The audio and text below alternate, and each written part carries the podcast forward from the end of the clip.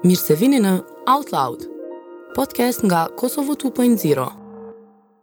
78 ditë zjarr, një jetë në tym, nga Furtuna Sheremeti, lexuar nga Aulon Kadriu, bombardimet e NATO-s, mes shpresës dhe tmerrit. Kjo është arsyeja pse kemi vepruar tani, për të mbrojtur jetët e mijëra njerëzve të pafajshëm, për të parandaluar një luftë edhe më mizore e më të kushtueshme, si dhe kemi vepruar sepse fëmijët tanë kanë nevojë dhe e meritojnë një Evropë të qetë, të qëndrueshme dhe të lirë. Bill Clinton, njëzet e katër mars, një mijë e nëntëqind e nëntëdhjetë e nëntë. Isha vetëm nëntë vjeçe kur filloi lufta. Isha mjaftueshëm e vogël që të mos isha plotësisht e tmerruar, por të njëjtën kohë mjaftueshëm e rritur që të kujtoja gjithçka shumë qartë. Gjithmonë e doja banesën ku jetonim, sepse ishte në qendër të sheshit në Prishtinë. Mirëpo, në vitin një mijë e nëntëqind e nëntëdhjetë e nëntë, fillova të mos e pëlqeja për faktin se jetonim mes gjithçkaje. Më kujtohen të gjitha gjërat që i kam parë prej dritares së dhomës së ndejës, sepse padyshim të dalësh në ballkon në vitin një mijë e nëntëqind e nëntëdhjetë e nëntë u bë luks.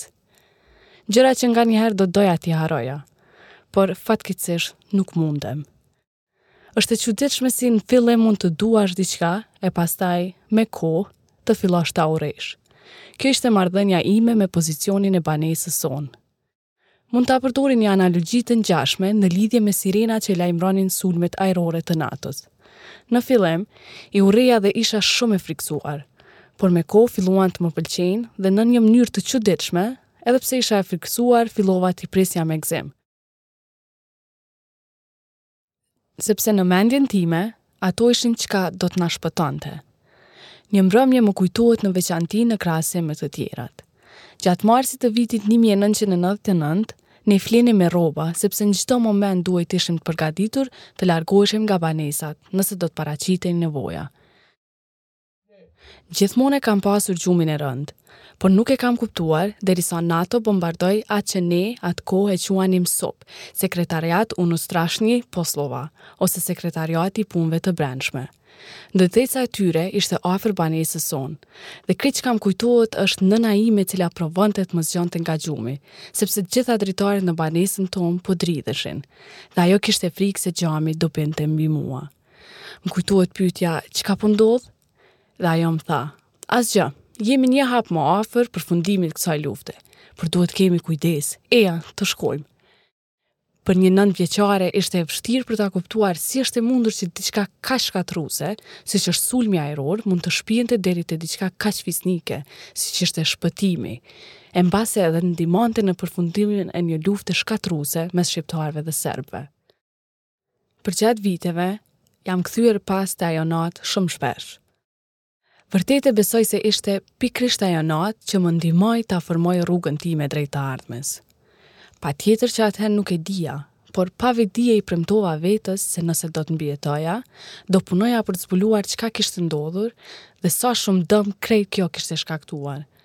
në mënyrë që të jem në gjendje të ndihmoj sadopak të parandaloj që diçka e ngjashme t'u ndodhë gjeneratave të ardhshme. Asnjë fëmijë s'duhet të rritet në një mjedis ku sirenat që lajmërojnë sulme ajrore të bëhen pjesë e brendshme e jetës së tyre. Të mësosh çka ka ndodhë. Muajin e parë pasi filloi lufta, më kujtohet që ishte veç një orë në mbrëmje kur i dëgjonim lajmet. Më vonë mbështeteshim vetëm në ato që thonin fqinjët që ishin akoma përreth. Në atë kohë, krejt çka kuptova ishte se një grup i shqiptarëve nga Kosova dhe i serbëve nga Serbia ishin mbledhur në një vend shumë të largët. Po, Franca dukej shumë larg prej nesh në atë kohë, dhe ata po mundoheshin t'i jepnin fund luftës. Më vonë, kur lufta kishte përfunduar dhe unë u rrita, më interesoi të kuptoja saktësisht për procesin që solli deri tek çlirimi. Aty e kuptova se shpërndarja e NATO-s në Kosovë kishte ardhur si rezultat i Konferencës së Rambujesë të mbajtur në shkurt të vitit një mijë e nëntëqind e nëntëdhjetë e nëntë. Këto të ashtuquajtura bisedime filluan më gjashtë shkurt të vitit një mijë e nëntëqind e nëntëdhjetë e nëntë me Sekretarin e Përgjithshëm të NATO-s, Javier Solana, i cili përpiqej t'i bindte të dy palët për nënshkrimin e një marrëveshjeje. Bisedimet erdhën pas një deklarate më të hershme që u dha nga NATO duke ritheksuar se Këshilli i Atlantikut Verior kishte vendosur se Sekretari i Përgjithshëm i NATO-s mund të autorizojë sulme ajrore kundër Serbisë nëse do të kishte nevojë të përdoreshin shkopinj në mënyrë që t'i bënin të dy palët të pajtoheshin me kërkesat e bashkësisë ndërkombëtare dhe të arrijnë një zgjidhje politike.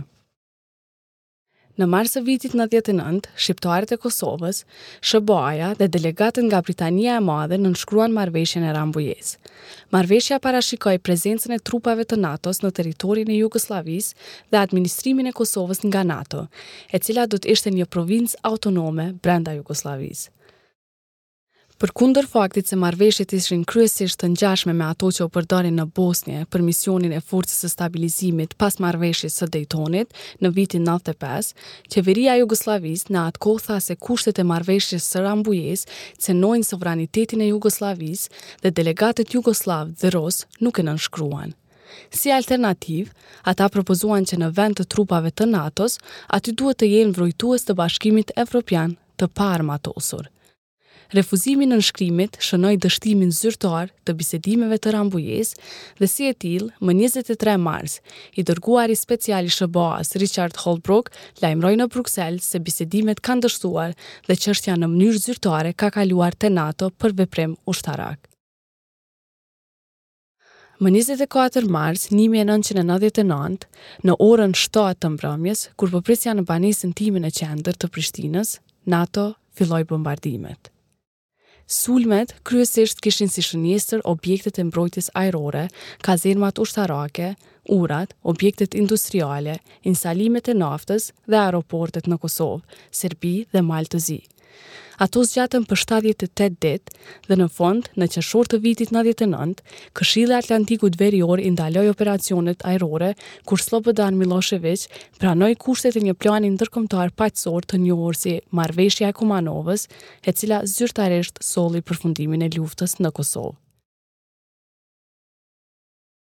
Por, gjatë këtyre 78 ditëve, sipas Human Rights Watch, mes 279 dhe 318 civilë u vranë si pasojë e bombardimeve të NATO-s në Kosovë, në 32 incidente të ndara. 201 civilë u vranë në Serbi dhe 8 në Mal të Zi. Sipas këtyre vlerësimeve, deri në 60% e numrit të përgjithshëm të personave të vrarë nga bombat e NATO-s ishin në Kosovë. Dëmi civil.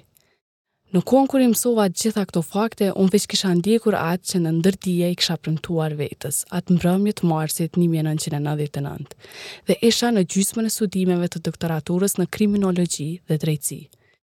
Por tani, kisha nevojë që të gërmoj më thellë dhe ta shoh vetë nëse çdo gjë që po lexoja për bombardimet e NATO-s ishte e saktë. Prandaj edhe fillova që ndër të tjerë të intervistoja ish të burgosurit, disa prej cilëve kishin qenë të vendosur në burgun famëkeq të Dubravës. Rasti i burgut të Dubravës është shumë interesant, pasi tregon përpjekjet e autoriteteve serbe që të mashtrojnë duke i veshur një numër të madh të vdekjeve të civilëve në bombardimet e NATO-s, që në mënyrë të madhe e dëmtuan narrativën që ndodhi në realitet. Burgu u godit dy herë. Një herë më 19 maj, kur tre të burgosur dhe një gardian u vranë dhe herën e dytë më 21 maj, ku së paku 19 persona u vranë, sipas Human Rights Watch. NATO i pranoi sulmet ajrore dhe e justifikoi sulmin me faktin se ata i kishin target objektet ushtarake afër burgut. Por, pas bombardimit të dytë, forcat serbe i gjetën të burgosurit brenda burgut dhe i përdorën bombardimet si një arsyetim që t'i vrasin më shumë se tetëdhjetë të burgosur. Makina e propagandës serbe tentoi t'ua bashkangjisë të gjitha këto vdekje bombave të NATO-s. Por Human Rights Watch, si dhe vetë dëshmia e të burgosurve, që kanë mbijetuar, tregon se forcat serbe ishin përgjegjës për shumicën e vrasjeve në Dubravë dhe se ato ndodhën pas bombardimeve. Larg nga Dubrava, bombardimet e NATO-s u bënë një arsyetim që forcat serbe të rrisin sulmet e tyre ndaj civilëve shqiptarë të Kosovës, duke detyruar një shpërngulje të madhe të popullatës pasi njerëzit ikën nga tmerri dhe situata vazhdoi menjëherë pasi sulmet ajrore pushuan. Edhe në këtë ditë, më kujtohet qartë treni i famshëm që na dërgoi në Bllacë, në kufi të Maqedonisë, pasi trupat serbe na detyruan ta braktisim banesën tonë. Aty ishte vetëm një familje që mbeti në ndërtesën tonë. Të gjithë u larguan për shkak të tmerrit që po shihnim çdo natë. Sot, të flasësh keq në çfarëdo konteksti për sulmet ajrore të NATO-s është shumë e vështirë në Kosovë. Edhe kur njerëzit e pranojnë se kishte viktima civile të shkaktuara nga bombardimet e NATO-s, ata janë gjithë të shpejtë që të shtojnë. Por, prapëseprapë, ata na shpëtuan. Është e vështirë të gjesh një mënyrë të përshtatshme të reagosh ndaj një procesi që ka kontribuar dhe në shpëtimin e një shteti, por gjithashtu duke lënë pjesë të atij shteti të dëmtuara. Edhe në këtë ditë ka gjurmë të bombardimeve të NATO-s në gërmadhat e disa ndërtesave, por në veçanti në mendjet e njerëzve. Por, bashkë me këto gjurmë, qëndrojnë edhe kujtimet se si një popull u shpëtua falë këtyre aksioneve. Qëndrojnë kujtimet e jetëve të shpëtuara dhe mundësia e bërjes së planeve për të ardhmen. Në përgjithësi, sipas shumicës në Kosovë, dobitë nga sulmet e NATO-s peshojnë më shumë se humbjet. Por, pavarësisht gjithçkaje, pyetja më e rëndësishme njëzet vjet pas bombardimeve është, pas lundrimit njëzetvjeçar nëpër tym, a mund të themi se kemi mësuar diçka si komb prej këtyre shtatëdhjetë e tetë ditëve të zjarrit? Për t'i dëgjuar të gjitha podcastet tona, ndiqni kanalet e Kosovo 2.0 në Apple Podcast, Google Podcast apo në aplikacionin tuaj të preferuar për podcaste. Gjeni më shumë në kosovo2.0.com.